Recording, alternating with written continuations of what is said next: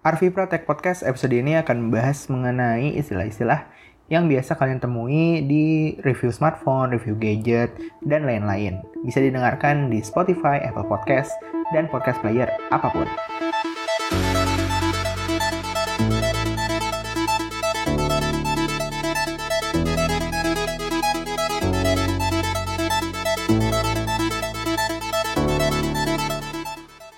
Halo semuanya, apa kabar? Gimana kabarnya? Semoga ya, semoga baik-baik saja. Semoga apa yang direncanakan bisa berjalan sesuai dengan rencana, apa yang diharapkan bisa sesuai dengan ekspektasi dan lain-lainnya. Uh, sekarang udah episode 106. Uh, eh, Alhamdulillah ya pendengarnya cukup konstan tapi kalau misalkan bisa di-share mungkin bisa lah di-share atau apa namanya di Instagram, Instastory, Instastory gitu. Kalau misalkan ternyata bermanfaat uh, apa namanya kebanyakan DM DM tapi ya misalnya ya sekali-sekali bantuin lah promoin lah. Ini mumpung kayaknya podcast lagi rame-ramenya ya apalagi Raditya Dika kan udah bikin podcast. Dan ya kayaknya banyak yang pro kontra gitu kan kayak eh uh, Radit di YouTube aja gitu kan. Jangan masuk-masuk ke ranah podcast gitu kan dan segala macam. Kalau gue sih termasuk yang bodo amat ya. Soalnya gue yakin Raditya Dika nggak akan ngebahas gadget sedalam gue sih asik. Sok banget kayak, kayak lu bahasannya dalam aja. Oke jadi uh, di episode ini gue mau bahas mengenai istilah-istilah yang biasanya kita temuin di review smartphone gitu. Ini sebenarnya uh, bikin episode ini soalnya kayak kepikiran juga gitu. Kayak gue biasanya bikin review terus gue emang menggunakan istilah yang emang gue pahami gitu dan mungkin di beberapa di yang nonton itu nggak mesti nggak mudeng gitu ini istilah maksudnya apa ini uh, artinya apa sih dan segala macam dan nggak sempet nyari nggak punya waktu untuk googling dan segala macam ya semoga dengan adanya episode podcast ini bisa membantu kalian semua lah. Uh, walaupun ada beberapa istilah atau misalkan topik yang sebenarnya udah gue bahas dulu gitu. Kayak misalkan contohnya yang pertama ini biasanya di video review gadget atau misalnya di artikel gadget gitu kata-kata yang paling sering kita temuin tuh unboxing, hands-on, first impression, sama review. Nah, ya masing-masing punya perbedaannya sendiri-sendiri sih. Kayak misalkan contoh unboxing itu ya emang fokus ke ngebuka uh, dusnya aja, eksperimen, eh, eh eksperimen, experience saat membuka dus si smartphone atau gadget yang kalian baru beli gitu. Kayak misalnya dari buka segelnya, dari buka plastik pembungkusnya, dari ngasih tahu isi paketnya apa aja gitu. Nah, kalau misalnya hands on itu ya apa namanya pengalaman yang menceritakan pengalaman saat kita memegang smartphone tersebut dan mungkin dalam jangka waktu yang sebentar gitu nggak lama-lama banget gitu. Kayak misalkan di bawah satu minggu gitu. Cuman tiga hari doang cuman dua hari atau bahkan atau bahkan cuman sehari doang gitu. Dan berikutnya ada first impression. Ini ya mirip-mirip sama hands on cuman ya first impression emang fokus ke uh, kesan pertama ya, namanya juga first impression dia kesan pertama, kesan pada saat melihat smartphone tersebut itu kayak uh, memang lebih jualan ke ekspresinya, mungkin lebih jualan ke apa namanya uh, reaction saat menggunakan smartphone tersebut gitu. Dan yang terakhir yang biasanya dipakai itu review. Nah review itu uh, sudah melalui tahapan penggunaan yang cukup intensif gitu kan. Misalkan let's say di gua di gadget gaul itu punya standar kalau misalkan smartphone yang di review itu apa namanya membutuhkan waktu satu minggu full baru bisa dibikin reviewnya gitu. Jadi kayak misalnya dari video review itu misalnya kita bisa tahu kalau misalnya oh ternyata ada fitur-fitur yang nggak penting nih nggak ah, yang cuman gimmick katakanlah kayak gitu atau misalkan ada beberapa apa namanya keunggulan yang sebenarnya nggak terlalu yang biasa-biasa aja gitu. Ternyata nggak sesuai dengan apa yang dipresentasikan pada saat launching katakanlah seperti itu. Lalu uh, masuk ke bagian ini kita uh, sorry. Ini gue bagi-bagi aja sesuai dengan ininya kategorinya ya. Jadi uh, gue bikin ada kategori display ada kategori sensor operating system performance kamera dan baterai. Kira-kira kayak gitu. Nah kita masuk pertama ke display dan build quality dulu yang pertama itu ada IPS. Ini salah satu jenis layar ya, jenis panel. Uh, eh, IPS ini singkatan dari in-plane switching, suatu metode untuk apa ya? Uh, memberikan display dengan viewing angle yang lebih lebar, viewing angle yang lebar-lebar sih maksudnya kayak kalau misalkan kita ngelihat HP kita dari berbagai sudut, termasuk sudut-sudut yang ekstrim gitu kan yang uh, ya mungkin hampir 180 derajat gitu, nah, itu masih terlihat dengan jelas seperti itu dan uh, eh, IPS ini ya warnanya cukup vibrant gitu kan standar IPS IPS itu udah menjadi standar smartphone saat inilah di harga bahkan di flagship pun uh, ada beberapa yang menggunakan IPS walaupun sebenarnya sekarang udah berganti ke OLED. Nah, berikutnya ada OLED OLED gitu. OLED ini organic uh, light emitting diode. Jadi, kalau misalnya IPS itu dia membutuhkan backlight untuk apa namanya? Uh, menerjemahkan warna gitu. Jadi, dari backlight tersebut lalu uh, dipantulkan melalui kristal-kristal liquid yang iya LCD liquid kristal. Nah, misalnya OLED ini dia uh, si apa namanya sumber cahayanya itu dari si LED-nya sendiri gitu LED yang bisa kita tahu misalkan LED yang kecil yang warna merah biru hijau gitu itu dari situ dan itu ukurannya sangat kecil uh, sehingga bisa uh, menggantikan fitur backlight dan kalau misalkan kita menampilkan warna hitam itu berarti si LED-nya mati gitu jadi nggak menggunakan daya sama sekali, nggak menggunakan tenaga sama sekali. Makanya di beberapa smartphone AMOLED disarankan menggunakan wallpaper yang hitam atau tema-tema yang kegelap-gelapan biar hem lebih hemat baterai. Nah, untuk Samsung sendiri nama AMOLED apa nama OLED-nya itu namanya Active Matrix Organic uh, Light Emitting Diode atau disingkat AMOLED, Super AMOLED. Bahkan sekarang di S10 S, seri S10 S10i, S10 dan S10 Plus itu menggunakan yang namanya Dynamic AMOLED yang lebih baru lagi gitu. Sedangkan di yang lain-lainnya kayak misalnya LG itu dia punya P-OLED plastik uh, organic uh, light emitting diode gitu kan itu beda di manufakturnya aja bagaimana cara pembuatan cuman ciri khas ciri khasnya sih sama-sama aja lalu kita masuk ke resolusi layar kalau resolusi layar tuh biasanya ya dari HD HD Full HD FHD dan QHD QHD. Nah ini resolusi-resolusi layar ini ya uh, istilahnya semakin dia banyak, semakin tinggi, berarti semakin rapat si density-nya atau si uh, pixelnya gitu. Jadi bisa menghasilkan gambar yang lebih tajam gitu.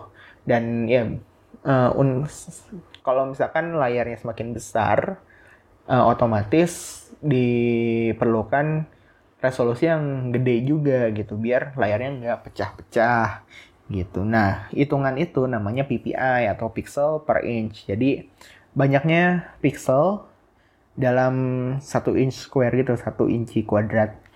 Jadi hmm, biasanya tuh uh, kalau misalkan Apple sendiri punya standar Retina display itu 300 ppi gitu. Kalau misalnya 300 ppi uh, berarti layar uh, melihat layar dengan 300 ppi dengan jarak 30 cm itu tidak terlihat adanya apa ya uh, jegis atau misalkan kotak-kotak gitu pixelated gitu.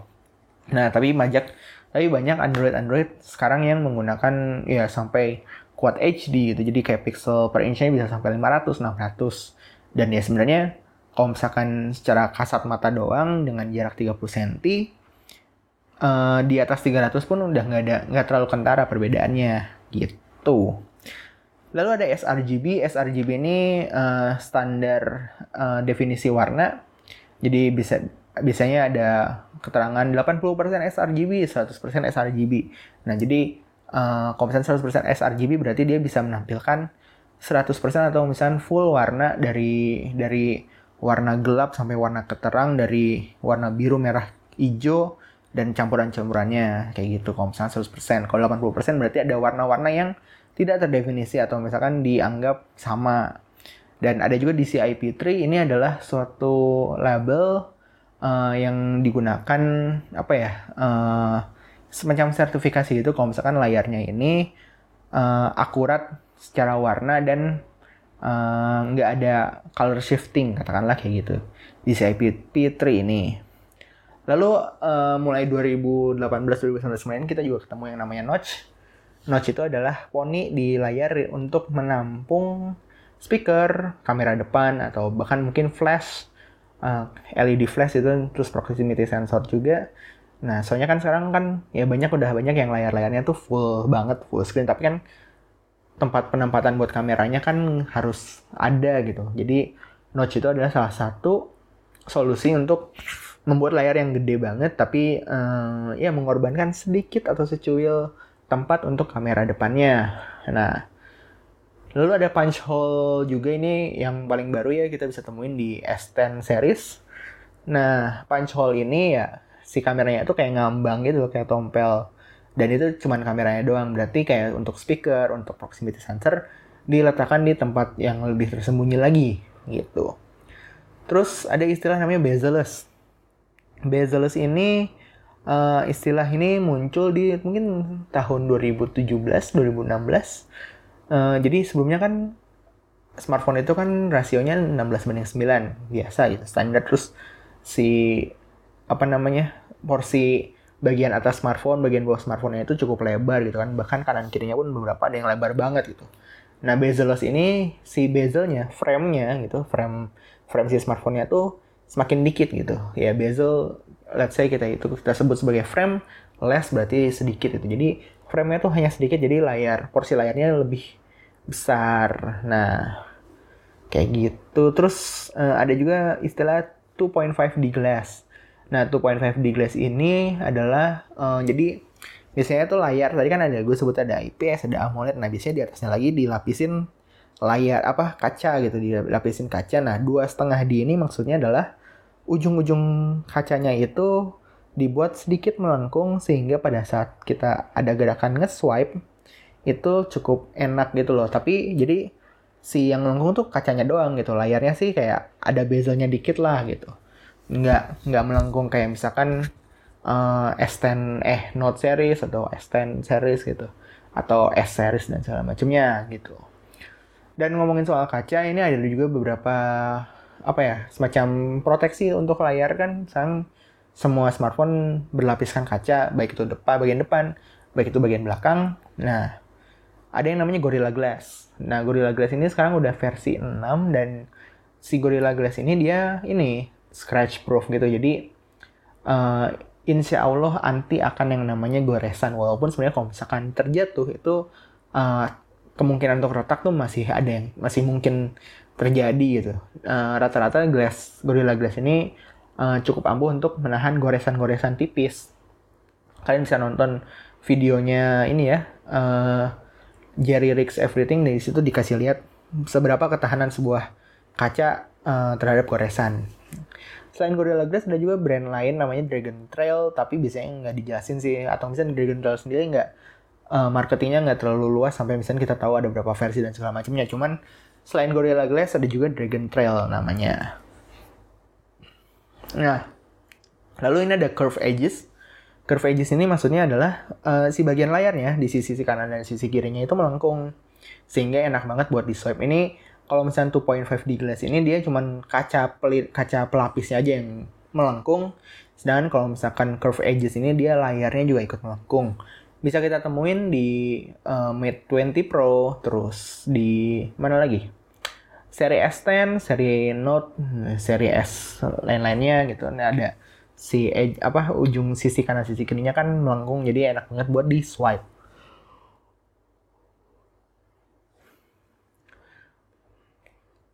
Terus buat build quality ini ada istilah namanya compact. Ya misalnya buat ya sebenarnya compact ya berarti dia uh, ringkas gitu ya nggak terlalu besar uh, nyaman untuk digenggam gitu kan. Tombol-tombolnya bisa mm, ditekan dengan baik. Dan ngobrolin soal tombol tuh ada juga istilah clicky gitu. Clicky itu berarti uh, menekanan tombolnya tuh enak gitu kayak kayak ada bunyinya klik klik klik. Nah, atau cetak cetak cetak gitu.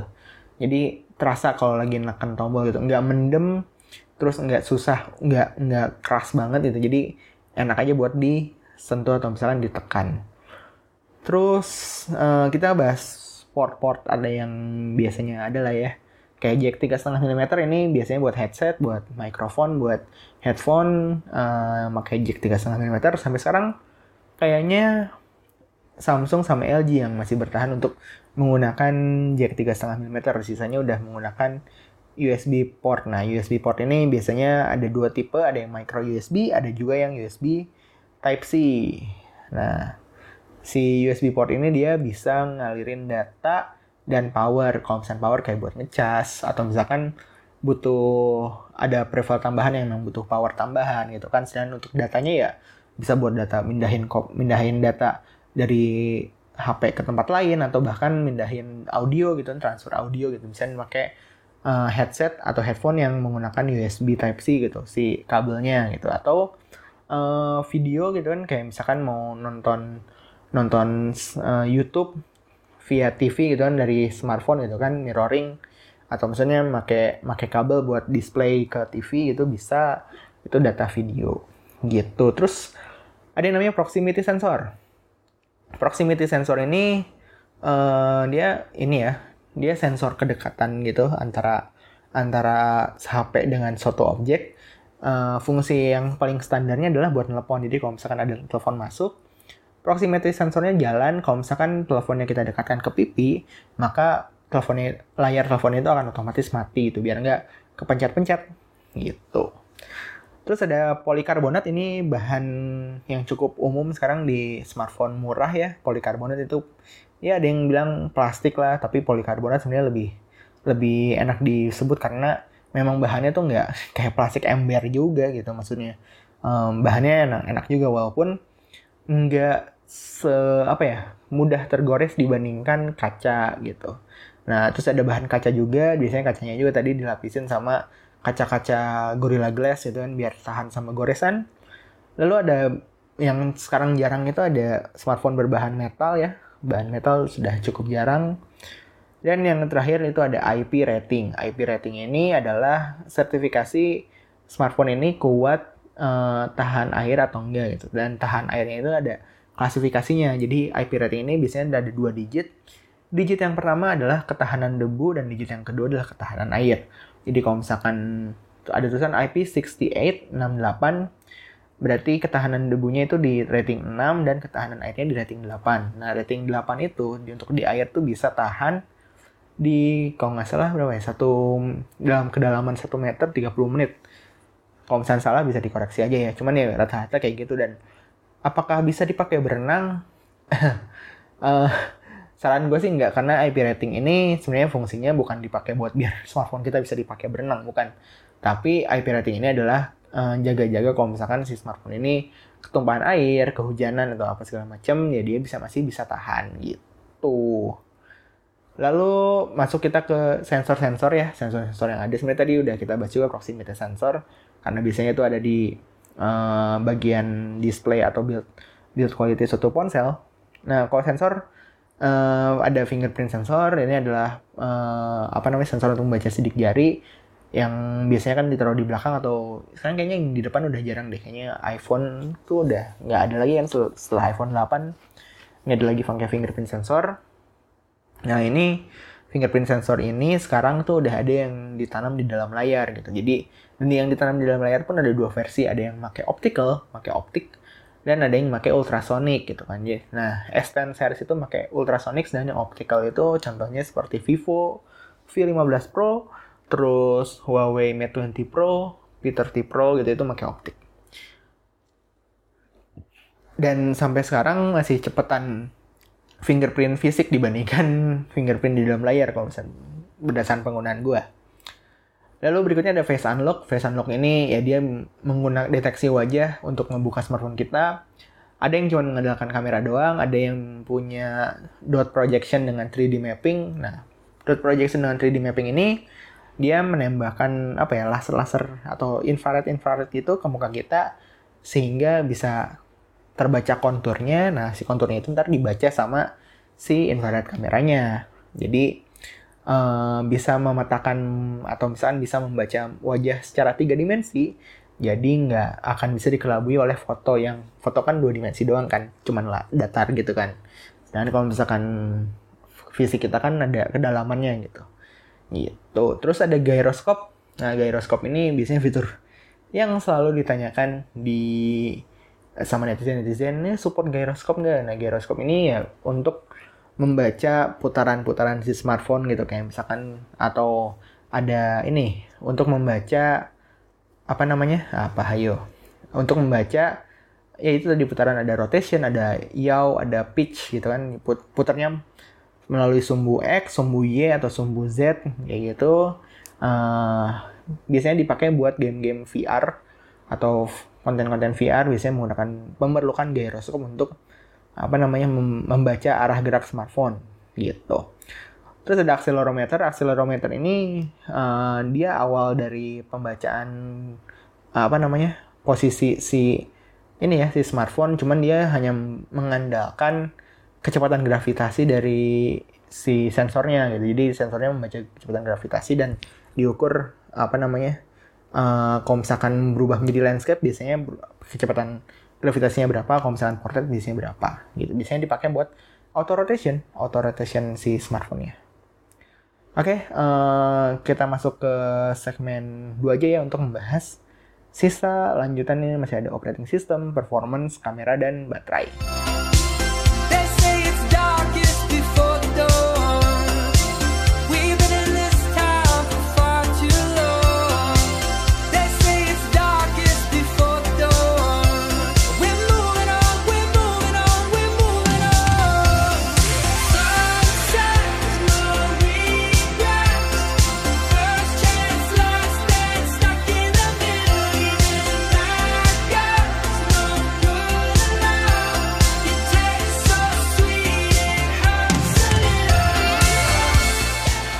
Oke, okay, uh, eh, langsung aja kita masuk ke segmen 2. Ya sebenarnya ini bagi, bagi dua aja biar ada istirahatnya gitu. Uh, kita langsung lanjut ke operating system. Nah, operating system ini ada UI, user interface. User interface ini uh, fokusnya ke tampilannya gitu kan, tampilannya pemilihan warnanya gimana, pemilihan fontnya seperti apa, bentuk ikonnya seperti apa, bentuk si tombolnya seperti gimana, apakah enak dilihat, apakah norak dan segala macam itu masuk ke user interface, masuk kayak pemilihan warna, terus uh, pemilihan aksen warna dan segala macamnya. Sedangkan kalau UX atau user experience adalah si tingkat kemudahan user dalam menggunakan si smartphone ya, apakah tombol-tombolnya mudah dijangkau, apakah penempatan-penempatan uh, action-actionnya itu uh, mudah diakses itu kan, atau misalkan apakah shortcut-shortcut yang disediakan itu terlihat dengan jelas atau misalnya membutuhkan aksi tertentu untuk membuka menu-menu baru dan lain-lainnya itu masuk ke user experience. Nah, lalu ada versi Android. Versi Android juga biasanya ditanya, ditanyain ini versi Androidnya berapa. Sampai sekarang versi Android yang terbaru adalah yang stabil ya, itu versi Android 9, Android Pie. Cuman uh, harusnya dalam waktu dekat Google akan memperkenalkan Android Q Nah, kira-kira Android Q ini nanti namanya apa ya? Kan Android Pay, Android Pay, Q apa ya? QQ. Terus ada security patch. Security patch ini adalah uh, sis, apa namanya?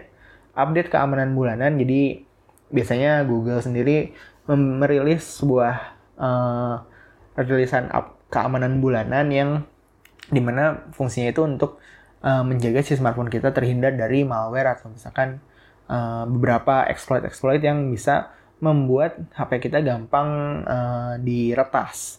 Itu aja nih gue bahasanya. Bagus banget bisa bahasa Indonesia dengan baik. Kayak gitu kira-kira kayak gitu. Yang baik sih yang memang setiap bulannya itu di dikasih security patch itu kayak Nokia itu rajin banget. Terus ya pastilah Nexus atau Pixel series itu pasti dapat uh, update bulanan. Asus juga lumayan cepet dalam update bulanannya dan Samsung juga sekarang yang flagship ya yang kayak di Note 9 yang gue pakai ini lumayan cepet juga nih. Dapat update-nya. Kayaknya dari mulai Januari itu dapat update sebulan sekali terus. Terus app drawer app drawer ini biasanya sebutan kita buat aplikasi list aplikasi gitu yang biasanya di swipe up atau apalah. Atau kalau misalnya kalian pakai Oppo, Vivo, Xiaomi gitu biasanya kan aplikasinya langsung masuk ke home screen kan. Gitu. Terus ada AR AR ini augmented reality. Augmented reality ini maksudnya adalah dia uh, mencampurkan um, realitas yang ada di depan kita yang ada yang nyata ini dengan beberapa elemen-elemen digital. Uh, yang paling tua yang pernah gue cobain itu namanya ada namanya layar. Ini waktu Android itu baru pertama kali muncul banget.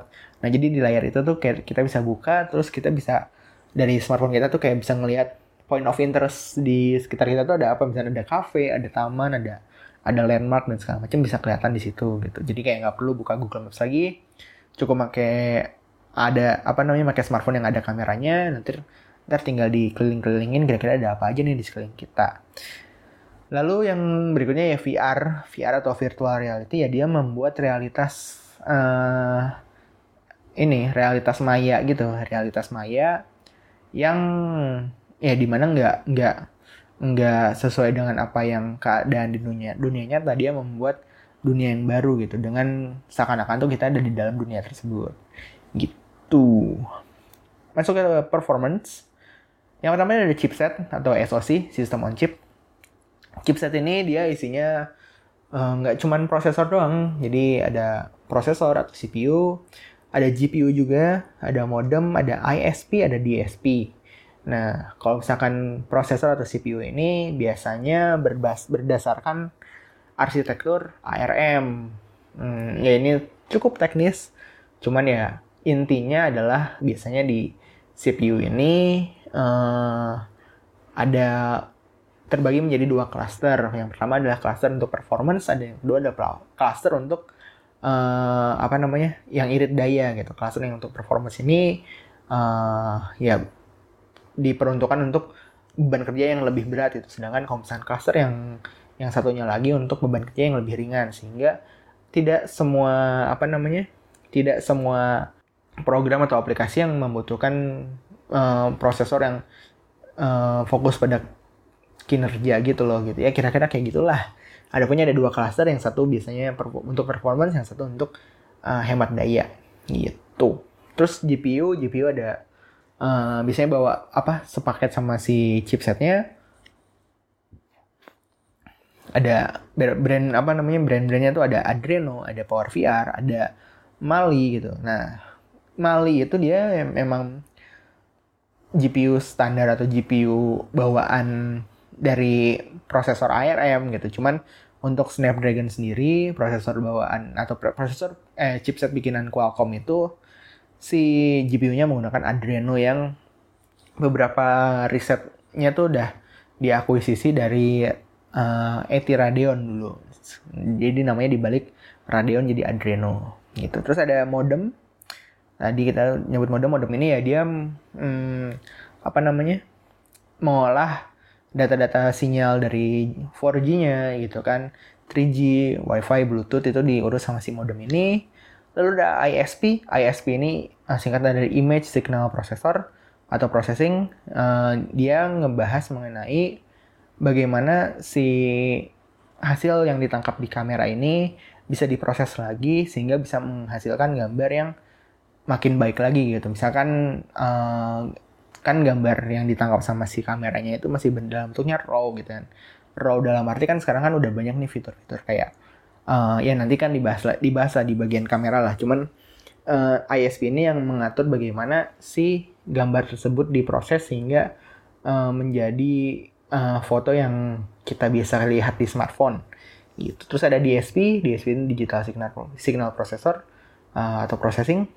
Dan fungsinya ini ya untuk uh, beban kerja beban kerja yang pada yang bekerja pada saat si smartphone ini diam gitu standby gitu. Dalam keadaan tidak aktif gitu. Jadi kayak misalkan contoh uh, pada saat kita dengerin musik gitu kan di background itu DSP yang bekerja gitu. Atau misalkan ada uh, manajemen notifikasi gitu DSP yang bekerja gitu DSP yang mengatur soalnya kalau misalkan semuanya dikerjakan sama prosesor maka ya baterainya akan cepat boros karena ya apa namanya beban kerjanya tuh lebih tinggi gitu. Membutuhkan tenaga yang lebih besar juga Lalu ada manufacturing proses. Nah ini yang biasanya diunggulkan di beberapa prosesor atau chipset zaman sekarang. Biasanya ada yang sekian nanometer, sekian nanometer. Yang paling kecil sekarang tuh 7 nanometer. Yang di mana ya anggapannya itu adalah makin kecil si manufacturing proses, dia bisa uh, lebih kencang si kinerjanya dengan daya tahan atau misalkan efisiensi daya yang lebih tinggi juga gitu. Jadi ada berapa yang misalnya yang paling gampang dibuktikan adalah waktu dulu ada prosesor atau chipset dengan manufacturing proses 28 nanometer dibandingkan dengan 14 nanometer dengan clock speed yang sama dengan kecepatan chipset yang sama itu uh, beban kerjanya lebih berat yang 28 nanometer.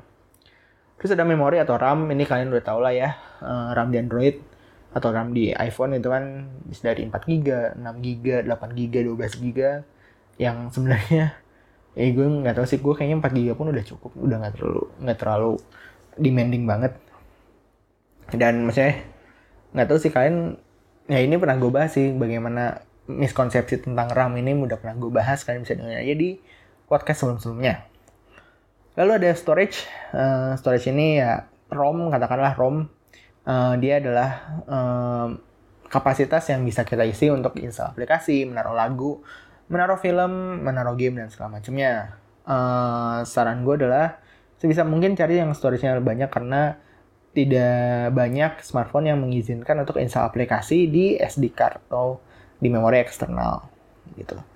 Terus ada throttling. Nah, throttling ini adalah uh, kondisi di mana si chipset atau let's CPU itu beban kerjanya tuh tinggi banget.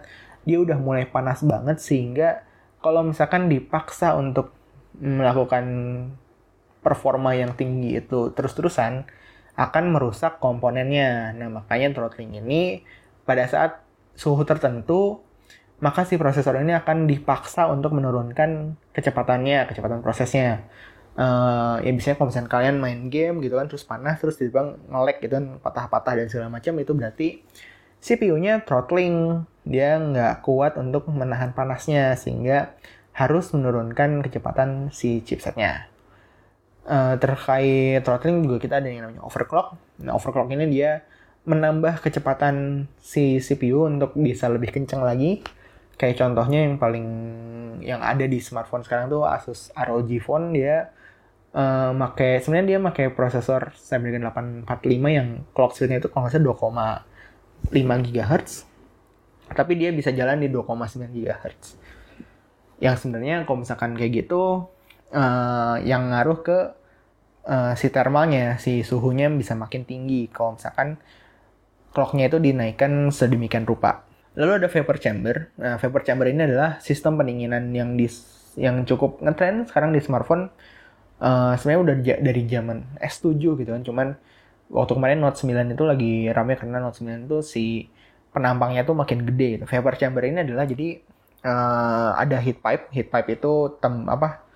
Eh bukan heat pipe sih sebenarnya kayak ya batangan tembaga gitu yang isinya tuh di dalam itu ada air di mana kalau misalkan secara simpel ya konsepnya ya, secara simpel konsepnya uh, si air tersebut kalau misalkan dalam keadaan panas itu akan berubah menjadi uap air, dia turun ke bawah. Nah, pada saat dingin pada saat dia turun ke bawah, dia akan mengalami pendinginan kondensasi sehingga kembali menjadi air lagi. Nah, kembali menjadi air lagi berarti naik lagi ke arah chipset, terus menguap lagi, balik lagi ke bawah. Jadi kayak sirkulasi uh, suhunya itu uh, bisa membuat apa namanya kinerja si chipsetnya lebih apa lebih konsisten dibandingkan sebelum-sebelumnya gitu. Lalu kita masuk ke kamera. Nah, kamera ini ada yang namanya autofocus. Autofocus ini gimana uh, si kamera tersebut bisa menangkap um, atau misalnya bisa uh, mempertajam titik-titik objek yang mau kita foto gitu. Kayak misalnya apakah kita mau ngambil objek yang ada jauh di depan mata atau misalnya ada yang di dekat mata nanti dia bisa menyesuaikan kira-kira gue harus lebih tajam di mana gitu dan dan autofocus ini di smartphone ini ada berbagai tipe. Yang paling umum adalah namanya PDAF face detection autofocus. Uh, ini cukup umum dan sebenarnya ya kecepatannya juga biasa-biasa aja ya sosok lah dan ada yang namanya dual pixel autofocus dan ini sampai sekarang menjadi salah satu uh, dua apa namanya metode autofocus yang tercepat di smartphone sekarang. Lalu ada aperture aperture uh, atau bukaan. Nah ini uh, bukaan ini ada di komponen si lensa kameranya ya. Uh, bagaimana kalau misalkan si lensanya tersebut ya apa namanya gampangnya gini deh kalau bukannya makin lebar gitu kan f15 f14 f10 mungkin gitu f17 um, makin kecil angkanya berarti makin lebar gitu maksudnya. Uh, dia bisa semakin banyak menangkap cahaya gitu. Sedangkan kalau misalkan uh, si aperture-nya itu makin sempit gitu kan kayak f24, f22, f27, f26 gitu berarti dia semakin dikit ruang untuk mengambil cahayanya. Nah, cuman uh, kalau misalkan cuman mengandalkan bukaan yang lebar aja uh, biasanya sih gampang atau terkena ya mudah terkena flare gitu sih biasanya. Gitu. Makanya kayak di Samsung atau di Oppo R17 Pro itu punya metode namanya dual aperture. Jadi kita bisa milih mau f1.5 atau f2.4 bukan milih sih jadi secara otomatis si smartphone yang memilih gitu. Jadi kalau misalnya keadaannya terang pakai f24 kalau misalnya keadaannya minim cahaya bisa pakai f1.5 Lalu ada ISO. ISO ini adalah tingkat sensitivitas si sensor terhadap cahaya.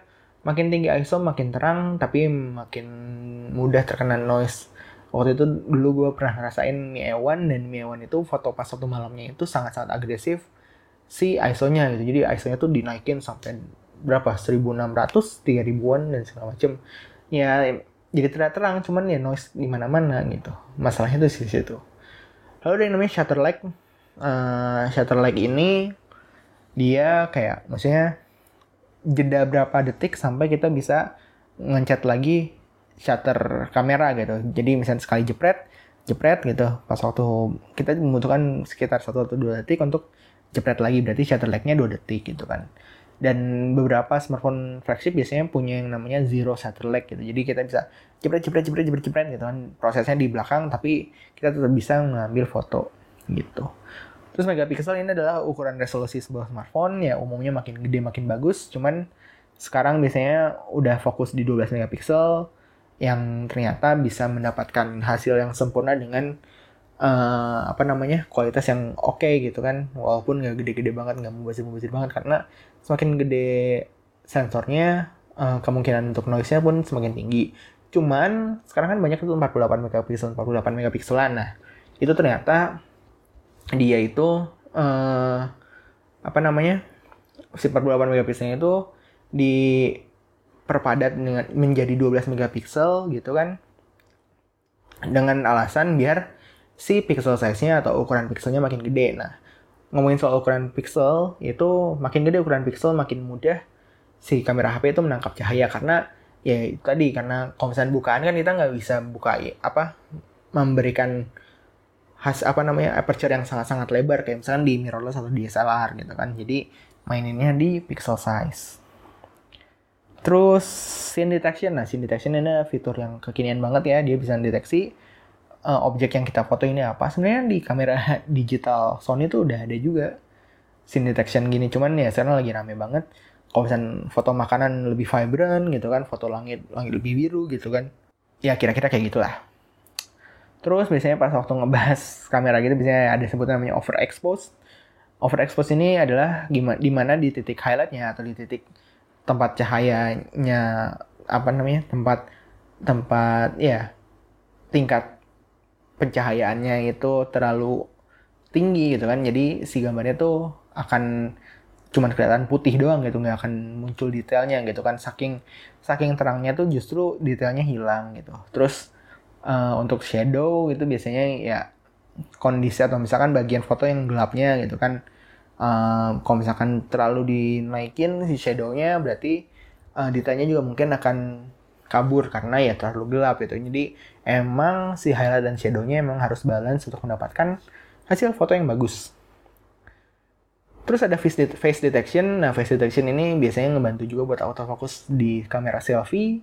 Dan ada juga yang beberapa yang bisa mendeteksi kayak umur jenis kelamin gitulah. Lalu ada bokeh ini juga fitur yang cukup ramai banget di perkameraan smartphone sekarang gitu kan. Biar si belakangnya bisa ngeblur metode-metode yang ada itu dari pakai lensa zoom dua kali untuk mendapatkan apa namanya perbedaan jarak antara kamera antara background dengan si objek. Terus ada yang namanya depth sensor juga sama fungsinya adalah untuk membaca mana objek mana background. Uh, yang keren sih di S10 yang gue pakai ini dia dia kayaknya pakai cuman bermodalkan software doang tapi bagus itu loh. Atau wide kameranya gue juga kurang tahu cuman kayak ya uh, nggak yang S10i kan dia nggak ada zoomnya gitu. Jadi tapi bisa pakai foto bokeh gitu. Dan, dan yang S10 plus yang ada zoomnya tuh pas waktu live fokusnya itu nggak nggak harus kita harus nggak harus mundur-mundur untuk mendapatkan foto yang bagus itu. Karena terlalu zoom gitu terlalu deketin gitu. Terus night mode ini juga lagi rame. Night mode dia membutuhkan waktu 4 detik. Kan kira-kira nggak cuman mainin shutter speed doang tapi dia juga mainin uh, layering HDR dan segala macam untuk mendapatkan hasil foto malam yang bagus. Yang oke okay sih gue senengnya tuh foto-foto dari Oppo F11 Pro itu keren banget. Foto-fotonya bisa kalian cek di Instagram Gadget Gaul. Uh, terus ada beautification ini buat selfie biasanya yang kalian yang mukanya tidak seberapa mantap ya itu bisa dipermak dengan ba dengan baik di beautification ini. Terus sekarang udah ada AI gitu juga jadi kayak nggak terlalu di apa namanya ekstrim banget gitu sih beautificationnya tetap ya kelihatan natural walaupun tetap kelihatan aja itu hasil-hasil dari beautification. Terus ada ultra wide kamera dia bisa ngambil foto dengan lebar gitu nah sudut yang lebih lebar. Kepake banget buat foto landscape atau foto-foto di tempat yang apa ya sempit gitu loh yang kayak misalnya foto bareng-bareng tapi areanya cukup sempit nah nggak susah untuk mundur-mundur-mundur gitu kan bisa pakai si ultra wide angle-nya terus ada foto telefoto lens ini untuk zoom dua kali bahkan di Huawei Mate eh sorry P30 Pro ini bisa zoom sampai lima kali. Dan nanti di Oppo Reno ini bisa sampai 10 kali zoom. Optical sadis. Terakhir kita masuk ke baterai uh, ukuran untuk kapasitas baterai yang paling umum adalah nilai ampere hour. Nah ini biasanya beragam dari 4000, 3000 gitu kan, 5000 mungkin ada Zenfone Max Pro M2 gitu kan. Semakin gede MAH-nya sih biasanya semakin irit baterainya. Cuman ya tadi bisa dipengaruhi juga oleh kemampuan si prosesor gitu kan kemampuan chipsetnya manufacturing prosesnya terus hmm, apa namanya efisiensi panasnya dan segala macam itu juga berpengaruh dalam ketahanan suatu baterai smartphone. Terus ada tipe-tipe baterai itu ada li lithium ion sama lithium polimer yang paling baru adalah lithium polimer dia bisa um, menggunakan kapasitas yang sama dengan berat yang lebih ringan dan daya tahan yang lebih baik dibandingkan lithium ion. Terus untuk charging sendiri ya ada yang namanya fast charging. Fast charging itu umumnya 10 watt. Kalau misalnya di atas itu baru uh, bisa kita katakan entah itu ada yang namanya Qualcomm Quick Charge. Itu adalah uh, metode charging cepatnya ala Qualcomm dan biasanya rata-rata syaratnya adalah harus uh, menggunakan chipset dari Qualcomm dan Snapdragon. Terus ada Oppo VOOC, ini yang sampai sekarang masih tercepat ya. Uh, namanya Super VOOC yang paling cepat dia 35 menit full dari 0 sampai 100. Gila. 35 menit. Kalau yang VOOC biasa itu dari 0 sampai 100 tuh cuma ya 85 menit. Ya kira-kira kayak gitulah. Dan itu kayak untuk baterai yang 4000 mAh dan itu cepet banget. Parah. Lalu ada Huawei Supercharge juga, dia hampir sama sama kayak VOOC, soalnya punya beban dayanya 50 watt dan ada USB PD ini adalah uh, teknologi yang universal yang caranya akan menggantikan semua teknologi-teknologi charging lainnya sehingga bisa uh, di semua device dengan uh, charger-charger yang lebih umum katakanlah gitu. Oke ini udah seberapa menit? Wih 43 menit uh, ya kira-kira itu aja istilah-istilah smartphone. Kalau misalnya ada yang pengen ditanyain ada yang kurang atau ada yang ketinggalan bisa langsung komentar aja di Instagram at Podcast atau enggak di Twitter at arvipra. Semuanya dari deskripsi bisa kalian cek. Uh, jangan lupa dengerin episode-episode yang lainnya. Uh, episode yang kemarin gue minta maaf kalau misalnya suaranya jelek itu karena pertama kan gue karena jadi si Dava lagi main ke ke tempat gue gitu terus kayak ya udah sekalian bikin konten lah terus kayak udah pakai mic ini aja gitu kan. Nah gue lupa nge-settingnya gitu. Jadi kayak langsung record ternyata recordnya pakai mikrofon laptop. Ya gitu. Jadi ya itu dengerin aja yang yang kemarin-kemarinnya lagi gitu kan. Jangan lupa uh, Arfi Pratek Podcast Arfi Pratek Podcast bisa kalian dengerin di sound, uh, SoundCloud.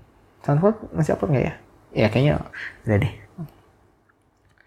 Arfi Pratek Podcast bisa kalian dengerin di Spotify, Apple Podcast, Kaskus Podcast, Kurio, dan berbagai macam podcast player lainnya.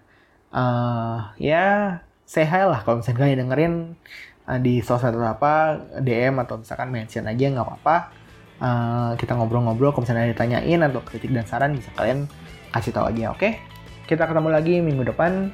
Semoga masih sempat untuk rekaman. Jadi semoga minggu kalian menyenangkan dan dadah. 知らない